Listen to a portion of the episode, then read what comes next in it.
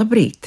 Es esmu Dagmāra Beitnerle Galla, Latvijas Universitātes Filozofijas un Socioloģijas institūta vadošā pētniece. Vai zini, ka laime ir arī socioloģijas izpētes redzeslaukā? Tiesa pētījumos reti, kad laime ir viena no galvenajām sociologa interesēm, jo biežāk to noreducē uz apmierinātību ar dzīvi, jo samērā grūti atrast pētījumu marķieris tik gaistošai parādībai kā laime. Par laimi sarežģīti ir ne tikai pētīt, bet vispārinoši aptvert jebkādus parametrus vai izpausmus, jo laime ir individuāla izpratne, piedzīvojums un arī pārdzīvojums. Laimīgi cilvēki nav interesanti ne literatūrai, ne mūzikai, nevienai no mākslām. Te vietā atcerieties Ļeva Tolstojas pārnoto teikumu, ka visas laimīgās ģimenes ir vienādas, bet nelaimīgās katra savādāk. Un tur tad ir iespējas drāmai, melodrāmai un tā tālāk, kas rada līdz pārdzīvojumu. Jo sirdī esam ar tiem, kuri risina savas dzīves samilzušās problēmas. Bet ko darīt laimīgajiem? Laime ir subjektīva, un par to kas to nosaka, var strīdēties līdz bezgalībai. Citējot Zigismundu Freidu no viņa lielā darba civilizācija un tās neapmierinātība, viņš saka, ka laime ir īslaicīgs stāvoklis, sprādzienu bīstams stāvoklis, netverams, ārkārtīgi nestabils. Tad tas, ko mēs saucam par laimi, visciešākā nozīmē, vēlams pēkšņa, ir tāda vajadzība apmierināšana, kuras ir tikušas aizsprostotas. Tas rada iespēju, ka laime pēc savas būtības ir iespējama tikai kā epizodiska parādība, un tāpēc laimes izpēti vairāk atstāja psiholoģijas jomā. Un tomēr ir viens iemesls, kas varētu būt saistošs socioloģijai, jo tā iegūst savu jēgu tieši sociālā fakta dēļ, ka cilvēki nonāk kaut kādā nelaimē. Tas ir apspiesti, atsvešināti, nomākti tad nelaimē nonākušos varētu pētīt kā sociālus faktus, bet laimi. Mums, kā apzinīgām būtnēm, ir dabiski tiekties pēc laimes, jo dzīvojot savu atvēloto laiku, saskaramies ar sāpēm, ciešanām, trūkumu, atsvešinātību, atstumtību. Īsāk sakot, esam nelaimīgi. Sociologs Zigmunds Baumans piekrīt, ka tiecoties pēc laimes, vienlaikus tas liek mums būt sistemātiski neapmierinātiem. Un te ir lielas iespējas mums, latviešiem, jo viss ir slikta sajūta, mums ir labi pazīstama. Esam gatavi būt neapmierināti un nelaimīgi par jebko, jebkad un daudz. Vai to nosaka D vitamīna trūkums, nepietiek saulaina diena, katrā ziņā nelaimīgas izjūtas ir enerģijas lādiņš tiekties pēc laimes.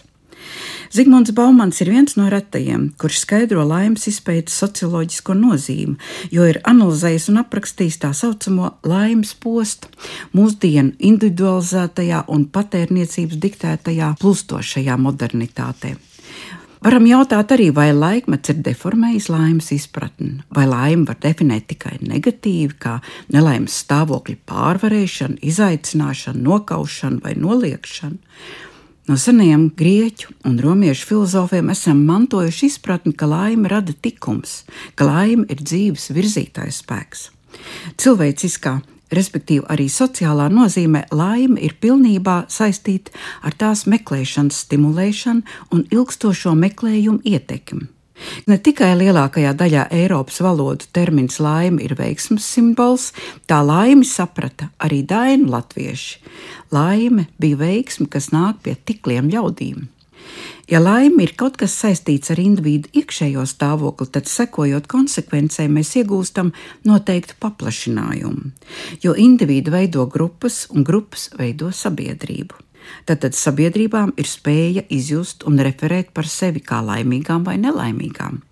Ja spēja apzināties savu iekšējo stāvokli un atpazīt savu laimi, ir faktiski viens no stabils, veiksmīgs un uz attīstību vērstas sabiedrības svarīgs noteikums, tad laimes izpratne kļūst arī par valstisku uzdevumu, kā veidot politiku, lai pavalsnieki identificētu savu dzīvi ar apmierinājumu un pat ar laimi. Pasaulē ir zinām valstu laimes indeks, ir arī laimīgās planētas indeks.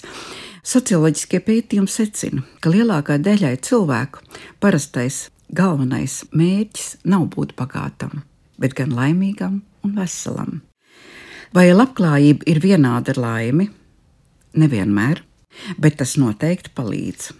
Laimes pētījumi rāda, ka sociāla-ekonomiskās attīstības līmenis rietumos un ziemeļos ir augstāks nekā austrumu un dienvidi. Rietumē Eiropai, un jo īpaši tās ziemeļ- un centrālai daļai, ir ilgāka stabilas demokrātijas vēsturiskā pieredze salīdzinot ar dienvidiem - Spāniju un Portugāli, un austrumiem īpaši Krieviju, Ukrainu. Otrajā demokrātisko pārmaiņu desmitgadē šajā gadsimtā Austrum Eiropā bija vērojams apmierinātības ar dzīvi pieaugums, Polijā vairāk nekā citur. Un viens no interesantākajiem šī pētījuma rezultātiem ir augstā korelācija starp ziņojumiem par apmierinātību apmierinātību ar dzīvi un ziņojumiem par māku kontrolēt savu dzīvi, kā arī starppersonu uzticēšanās. Tātad māka kontrolēt nozīmē spēju atpazīt un pašam arī harmonizēt savu dzīvi. Savukārt savstarpēji uzticēšanās tā ir visaugstākā Rietumē Eiropas ziemeļzemēs. Pārējās rietumvalstīs savstarpējā uzticēšanās ir tikai nedaudz augstāka nekā Austrumē Eiropā. Pētnieki secina, ka mūsdienās demokrātiskā sabiedrībā katram individam ir jāatrod veids, kā individuāli risināt sociāli radītas problēmas.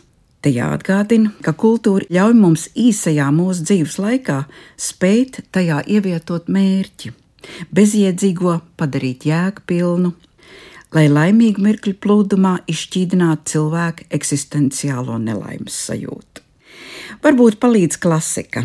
Kad Johanam Volgangam Gētem tika vaicāts, vai viņam ir laimīga dzīve, Gēte atbildēja, ka viņam ir laimīga dzīve lai gan viņš nevarēja atcerēties nevienu laimīgu nedēļu savā mūžā.